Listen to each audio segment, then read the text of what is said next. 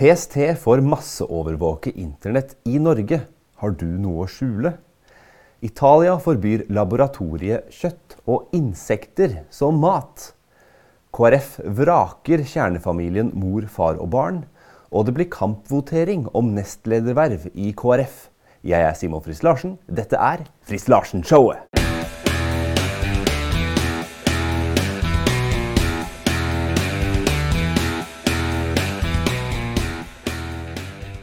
Stortinget har nå bestemt at PST får masseovervåke internett i Norge. Spørsmålet er jo har du noe å skjule. Vel, er ikke det irrelevant, da? Nei, det er ikke irrelevant. For hvis du ikke har noe å skjule, hvorfor i all verden skal Politiets sikkerhetstjeneste kunne overvåke hva du gjør på internett? Hvilke sider du oppsøker, hvilke meninger du ytrer deg om, osv. Det er i-nyheter som skrev dette. her. Det er blitt en måned gammel sak, men den er virkelig verdt en gjennomgang. For det står her at PST får masseovervåke. Det er flertall på Stortinget for at PST kan lagre alt som skjer på det åpne internettet i Norge. I Stortinget sikrer Høyre flertall for forslaget som Ap-Sp-regjeringen la frem før jul, om endringer i politiregisterlov. Så der har vi det igjen. Det har vi altså ingenting å si om du stemmer på Arbeiderpartiet eller Høyre. Du får akkurat den samme politikken. Og overvåkning og kontroll. Og spesielt hvis du går for Høyre, så får du altså dette her kontrollmekanismeopplegget over deg. Har du noe å skjule? Nei. Så da har de jo ingenting der å gjøre. Skal drive og oppsøke hva du holder på med. Det er overvåkning. Det er sånn man gjør i Kina, det. Det er sånn man gjør i land som vi ellers ikke vil sammenligne oss med. Ja, men man må kunne undersøke på det åpne internettet for å forebygge i tilfelle det er noen som Nei. Hvis ikke man har en reell anledning til å undersøke om det virkelig foregår noe som er galt, så skal man heller ikke bare kunne gå inn og undersøke. Det er å bryte privatliv. Og det er å kunne kontrollere meninger.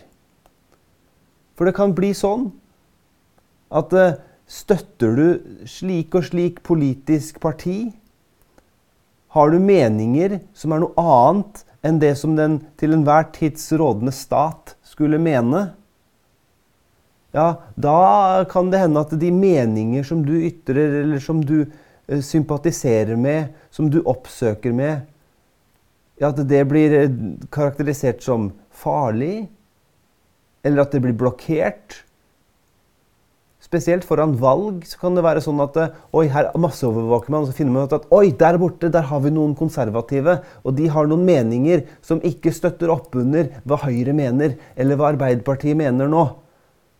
Og hva gjør de da?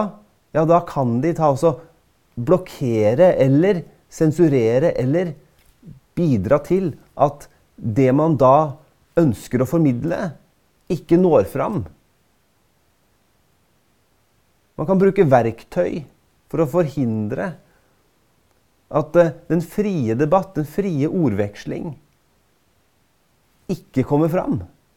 Fordi at Internett ikke lenger blir åpent, det blir overvåka. Loven skal gi Politiets sikkerhetstjeneste mulighet til å overvåke, lagre og analysere store mengder åpent tilgjengelig informasjon. Dette kan de bruke til å lage analyser og etterretningsvurderinger, selv om hvor enkelt opplysning isolert sett ikke er nødvendig for formålet. Her snakker man kontroll. Det er snakk her om å kunne bevisst styre en eh, politisk oppfatning eller retning, innsnevre meningsrommet. Ja, men vi må forhindre disse her som har noen sånne voldsomme, ekstreme meninger.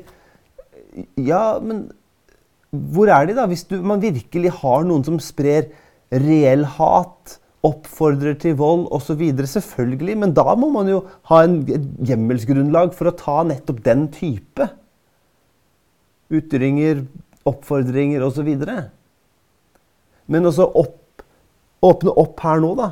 Slik flertallet med Høyre har vært med å vedta at man skal kunne overvåke hver og en. Selv om man ikke har noen ting å skjule. Det er en farlig og skummel utvikling. Nå er vi på vei over da, til å kunne bli nærmest en politistat. da.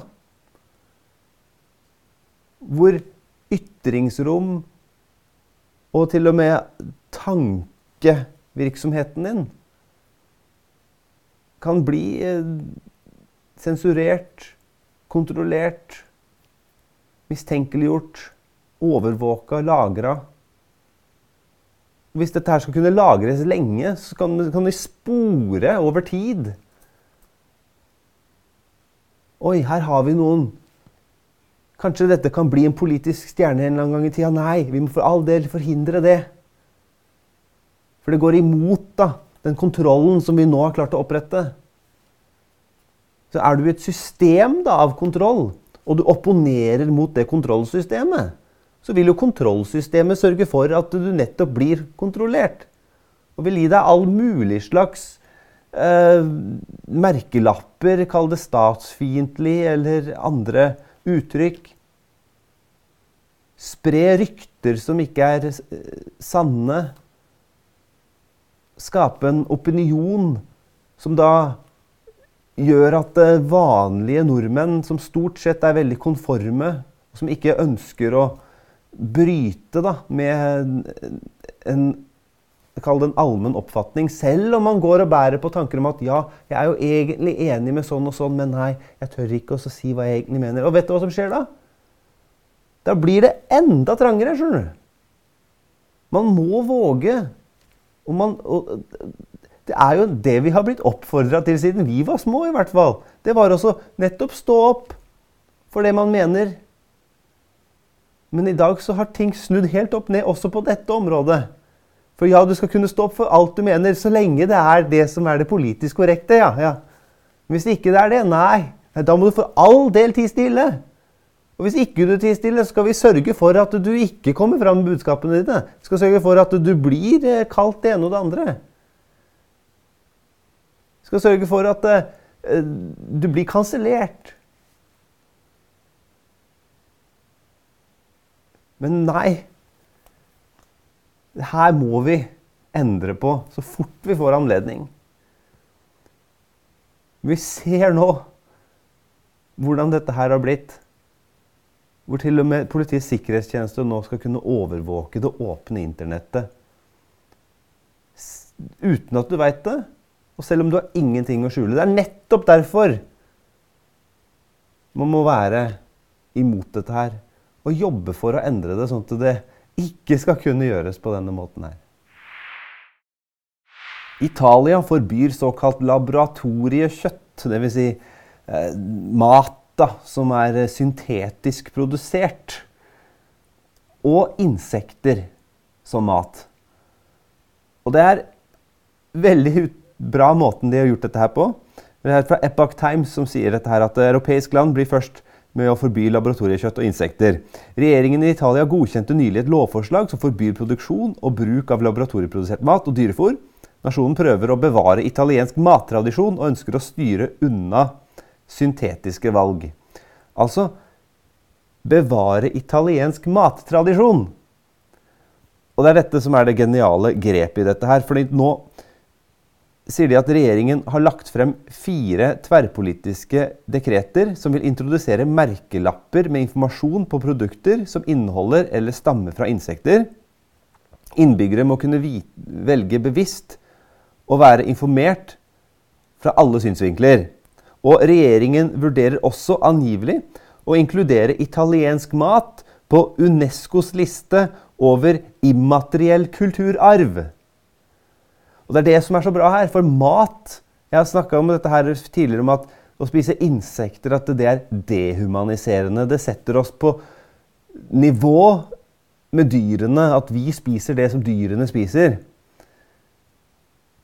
Men dette her Også få det på lista over immateriell kulturarv. Det er jo helt genialt. For det er jo riktig, for mat er jo mer enn bare næring. Mat er jo også tradisjon. Mat er også kultur. Og det hører selvfølgelig hjemme der. Det er ikke tradisjon for eller kultur for å spise insekter. Den vanlige reaksjonen på insekter, det er brekning. For Det er ikke meningen at vi skal spise det. Ja, ok, det er noen som spiser det, men det er ikke en hovednæringsingrediens for oss mennesker. Og nå har altså Italia forbudt dette her.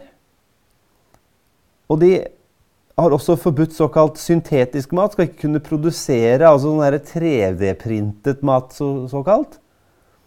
Og det blir bøter opptil 60 000 euro for manglende overholdelse. Hvis parlamentet vedtar forslaget, vil mat produsert fra cellekulturer eller vev fra virveldyr ikke være lovlig i landet. Det er helt riktig vei å gå. Og det er selvfølgelig eh, da statsminister Meloni som jobber for dette her. Nå ser man hvor viktig det er med konservativisme i politikken. Dette hadde ikke blitt en realitet hvis det var noen andre som var statsminister. Så det er veldig viktig at vi ser at mat handler om næring. Det handler om å kunne produsere det, så at man har jordbruk, og eh, produsere kjøtt osv. Fiskeri. Og så selvfølgelig er det jo tradisjoner. Vi har norske mattradisjoner, vi har italienske mattradisjoner. Og det som globalistene og venstresiden, vil jeg si, og for all del med Høyre Det de vil, er å utviske tradisjoner. De vil fjerne det som vi har vår identitet i. Hvorfor det? Fordi da kan de kontrollere.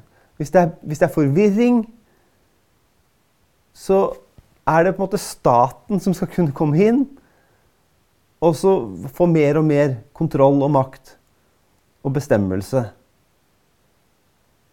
Og mennesker Vi må slutte å være de som bare vil bli tatt vare på. Vi må søke frihet. Vi må søke det som er sant. Og da er dette veien å gå. Nå ser vi hvor viktig det er med konservativisme i politikken. KrF vraker kjernefamilien mor, far og barn. Ja, det er vel ikke akkurat det overskriften i Vårt Land sier, da. Men uh, der står det KrF utvider familiebegrepet i viktig program. Nå blir det mer enn mann og kvinne. Fornyelse. KrF utvider familiesynet i partiets bærende ideologiske program, prinsipprogrammet. Ny formulering om mangfoldige familieformer inkluderer også likekjønnede. Men altså, det KrF gjør, det er ikke mangfoldiggjøring eller og, og, som de her snakker om, altså å kunne eh, utvide forståelsen. Dette her handler om å gjøre vrak på kjernefamilien mor, far og barn. Fordi det er det øyeblikket du går god for et helt annet syn som fullgodt, så har du egentlig forkasta grunnsynet på at familien består av mor, far og barn. Og De sier at KrF sender norske velgere nye signaler når partiet neste helg, altså førstkommende helg, eh, reviderer prinsipprogrammet på landsmøtet. Landsstyret stiller seg bak anbefalingen. I dagens program slås det fast at ekteskapet som ordning mellom mann og kvinne har dype røtter i tro og tradisjon. Dette skal ligge fast. dype røtter i tro og tradisjon. Men det, det er vel mer enn det, vel? Det er vel i funksjon òg. Altså, en mann og en kvinne de kan potensielt få barn sammen. Det er bare sånn det er. Utover det så kan man ikke potensielt få barn sammen hvis ikke man konstruerer, da. Eller får det til på en annen måte. Men nå innbys landsmøtet til å vedta et tillegg. I dag er familieformene mangfoldige. For alle typer familier må det legges til rette for forpliktelse, stabilitet rundt familie og sikring av barns rettigheter. Formuleringen gir også familier som består av to mammaer eller to pappaer, en plass i partiets familieforståelse. Og her er en ting jeg vil legge, legge vekt på. Og det er jo ikke sånn at man ikke vedkjenner at familie kan være slik at et barn kan vokse opp sammen med to personer av samme kjønn. Det kan de jo. Mens forskjellen her er det at i dette som KrF legger opp til, med at alle typer familier Da legger man opp til det at barn helt fra starten av ikke da har rett til en mor og en far. Alle skjønner jo det at i løpet av et liv så kan ting forandre seg. Det kan være man har blitt med barn uten at det var planlagt. Man har eh, vært sammen med noen, og så har man gått fra hverandre. Og så kan man jo bli sammen med en person av samme kjønn mens man har barn fra et annet forhold. Altså, og mennesker er omsorgspersoner, så man stiller jo ikke spørsmål her ved omsorgsevnen til mennesker. Så det, det er jo konstellasjoner av familier i den grad at man har barn fra tidligere forhold, og man tar det inn i nye forhold. Og det er klart, I sånne situasjoner så skal man jo selvfølgelig sikre barns juridiske rettigheter. Både i forhold til barnebidrag og barnetrygd og arv osv. Og, og omsorgsevnen er nok helt sikkert på topp, den. Men det KrF legger opp til her, det blir jo også kunne anerkjenne at barn da helt fra starten av kan vokse opp i familier. Ikke bare vokse opp, men bli gitt til eller via donor eller så videre. Eller at man får barn som enslig, for den saks skyld. Og det her vet vi jo er sånn som kan forekomme, og at det er tillatt. Men spørsmålet er om det er det som er det som samfunnet ønsker. Om man skal ha politikk som ønsker da noe annet enn det. Og det er jo KrF nå som går bort fra kjernefamilien mor, far, barn. Og nå åpner det opp for at man da skal kunne ha familier hvor da barn mister retten til en mor eller en far helt fra starten av. Så det er det dette her egentlig handler om. Og så er det jo sånn at Ja, men har ikke KrF egentlig gått bort fra dette for lenge siden? Det er bare at nå skal de bare få det inn i programmet. Jo, det er, det er sånn det er. Det er mange kristne, mange konservative, og for så vidt andre òg, som har sett på KrF da, som det partiet som da fremhever nettopp kjernefamilien mor, far, barn. Som har sett at i praksis så har KrF stått for noe annet enn det.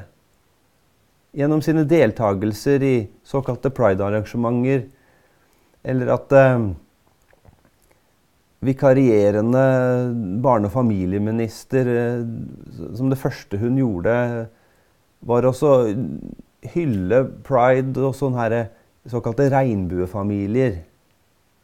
Så allerede har vi sett da, en utvikling som dette her er bare med å sementere. Og Da spørs det jo da, hva, hva gjør de som er konservative i KrF med dette her? Skal de bare se at nå blir de nedstemt, og så, og så bare fortsette? Som om ingenting har skjedd? Det, det er ofte sånn. Men uh, det er viktig i hvert fall å se hva det her egentlig handler om. Det handler da ikke om mangfoldiggjøring eller utvide familiebegrep eller videre. Det handler da om å gjøre vrak på kjernefamilien mor, far, barn. Og eh, det er en stor endring for KrF å gå i den retningen der. Nå mobiliseres det til kampvotering om nestledervervet i KrF. For eh, på det kommende landsmøtet så er det jo gjort en eh, innstilling fra valgkomiteen på en kandidat. Og så vil det da komme et benkeforslag på en annen kandidat til dette ledige nestledervervet. Og eh, det er jo da Verdinytt som her skriver at nå mobiliseres det til nestlederoppgjør i KrF. Støttespillerne av eh, Jorunn Gletsic Lossius gjør seg klare til å utfordre Ida Lindtvedt Røse i valget av ny nestleder. Og jeg pleier ikke å nevne navn her på Fritz Larsen-showet, men dette her er jo en sak som handler om to konkrete personer. Men eh, jeg skal nå, eh, utover å ha lest navnene nå, eh, omtale dem mer i eh, form av posisjon. Så her har vi altså to personer som da stiller som uh, kandidater. Hun ene da som uh, valgkomiteens uh, innstilling. Og så da vil det komme et benkeforslag på en annen kandidat. Og så er det sånn at valgkomiteens innstilling den lander jo da på en kandidat som har vært vikarierende statsråd. Og eh, det første vedkommende gjorde, var jo da også hylle såkalt pride og eh, en hilsen til alle såkalte regnbuefamilier osv. Og, så og eh, det vi vet om vedkommende, er jo at hun sånn sett hyller pride, og er også for selvbestemt abort. Dagens abortlov. Og jeg har jo innsidekjennskap til KrF, som også kommer fra samme valgdistrikt som vedkommende som da er eh, nominert da, eh, av valgkomiteen til eh, nestledervervet. Og etter min mening så er det jo det å være for abort og såkalt pride, det er jo diskvalifiserende for en kandidat i KrF. Men det er jo da taktisk, da, av KrF også da, som jeg nevnte i forrige sak, gjøre endringer på prinsipprogrammet på akkurat dette med familiebegrepet. For det støtter jo da opp under nominasjonsmøtets eh, valgkomiteens innstilling til kandidat. Men hva da med utfordreren?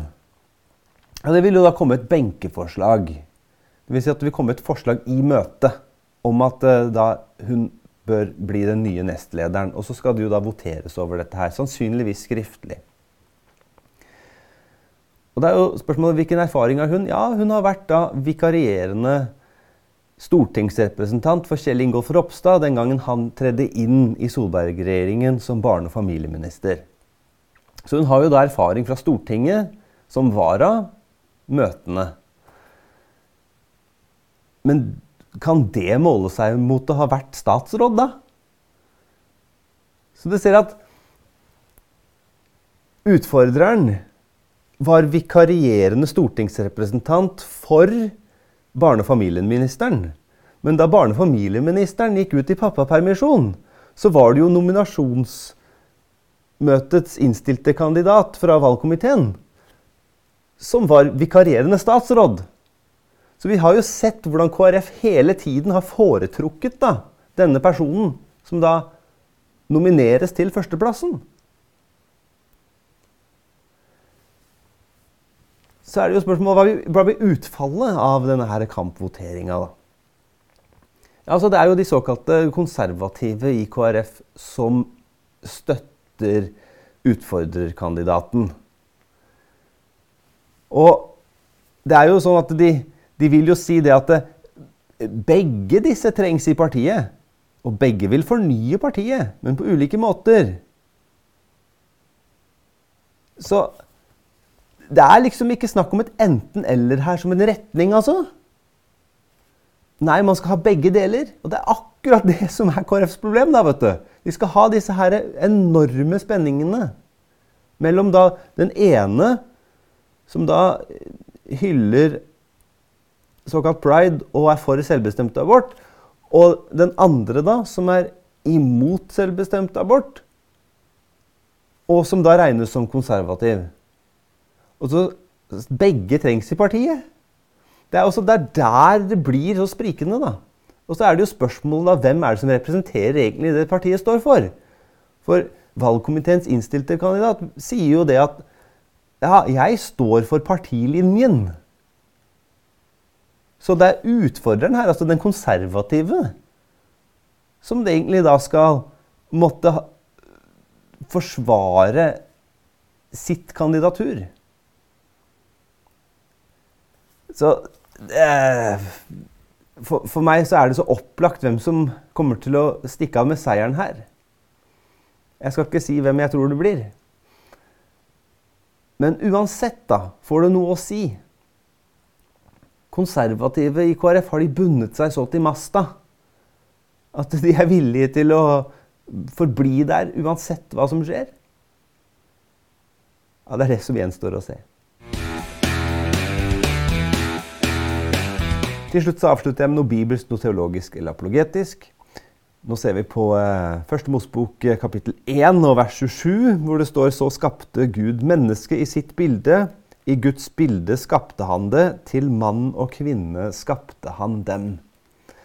Og Hvis vi ser i Matteus eh, kapittel 19 vers 4, så er det jo da Jesus som sier Har dere ikke lest at han som gjorde dem i begynnelsen, gjorde dem til mann og kvinne?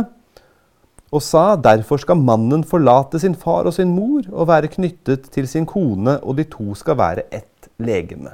Og Det er fantastisk hvordan Gud har skapt mennesket. Han har skapt mennesket i sitt bilde, dvs. Si at vi er ikke Gud. Men han har skapt oss med visse egenskaper som han også har. Gud vet alt.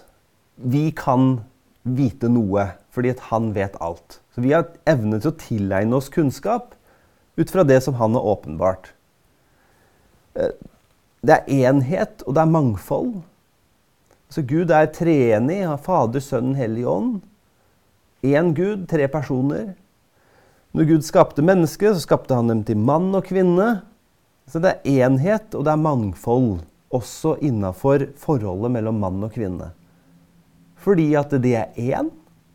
De er mennesker. De er mangfoldige fordi de er hannkjønn og hunnkjønn. Og de er da enhet ved at de to sammen blir ett kjød.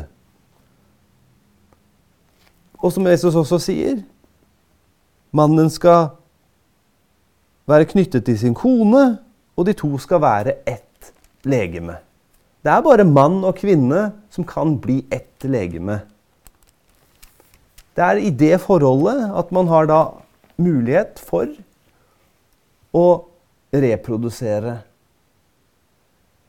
så Guds ord, ut fra da hans åpenbaring, og ut fra det vi vet, ut fra det vi ser, og ut fra alt vi har erfart, så vet vi jo det. At det er i forholdet mellom mann og kvinne at vi har prokreasjon. At vi har da skaperordningen og kjernefamilien mor, far og barn. Så vil samfunnet og tidsånden fortelle oss noe annet. At nei, at dette er flytende, og dette kan man velge, osv. Og, og så er det noe sånn at voksne mennesker kan velge hvorvidt de vil leve i henhold til Guds vilje eller ikke. Men som et samfunn så må vi jo legge til rette for det som vi mener er best. Og Derfor er det helt legitimt å kunne ha politikk for alle ut fra det kristne livssyn, som vektlegger viktigheten og betydningen av kjernefamilien og relasjonen da mellom mann og kvinne. Det er helt legitimt. Det er ikke noe fobisk eller noe diskriminerende over det. Nei, man er tolerant overfor da at man ser og vet at mennesker kan leve på ulike måter. Men som samfunn så bestemmer vi hvordan vi skal legge opp vårt samfunn til det beste for alle. Og ut fra Guds ord så ser vi jo hva det er. Hvordan det monogame ekteskapet mellom en mann og en kvinne Vær fruktbare og bli mange. Hvordan man kan da bære fram barn, oppfylle jorden. Hvordan det er Guds plan, og hvordan det er til det beste for oss. Jeg er Simon Friis Larsen. Dette er Friis Larsen-showet.